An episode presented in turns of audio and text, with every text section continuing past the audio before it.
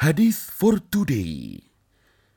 Dari banyak dalil tentang sedekah, izinkan kami sekali lagi berbagi tentang keutamaannya ketika nanti di akhirat.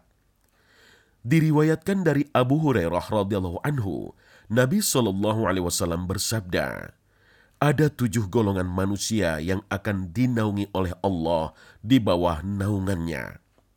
Hari tersebut tidak ada naungan kecuali naungan Allah." Golongan tersebut ialah pemimpin yang adil, pemuda yang senantiasa beribadah kepada Allah sewaktu hidupnya, seseorang yang hatinya senantiasa berpaut pada masjid-masjid, dua orang yang saling mengasihi karena Allah, seorang laki-laki yang diundang oleh seorang perempuan yang mempunyai kedudukan dan paras yang elok untuk melakukan kejahatan, tetapi dia berkata, "Aku takut kepada Allah."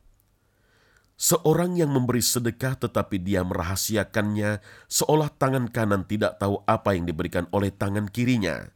Dan seorang yang mengingat Allah di waktu sunyi hingga mengalirkan air mata dari kedua matanya. Hadis Bukhari Muslim.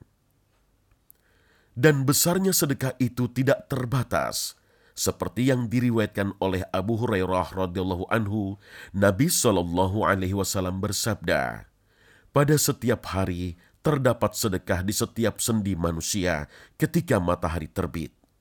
Lalu Nabi bersabda lagi, "Berbuat adil di antara dua orang manusia adalah sedekah.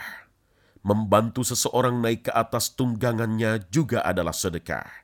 Dan Rasulullah Shallallahu Alaihi Wasallam bersabda lagi, "Perkataan yang baik adalah sedekah.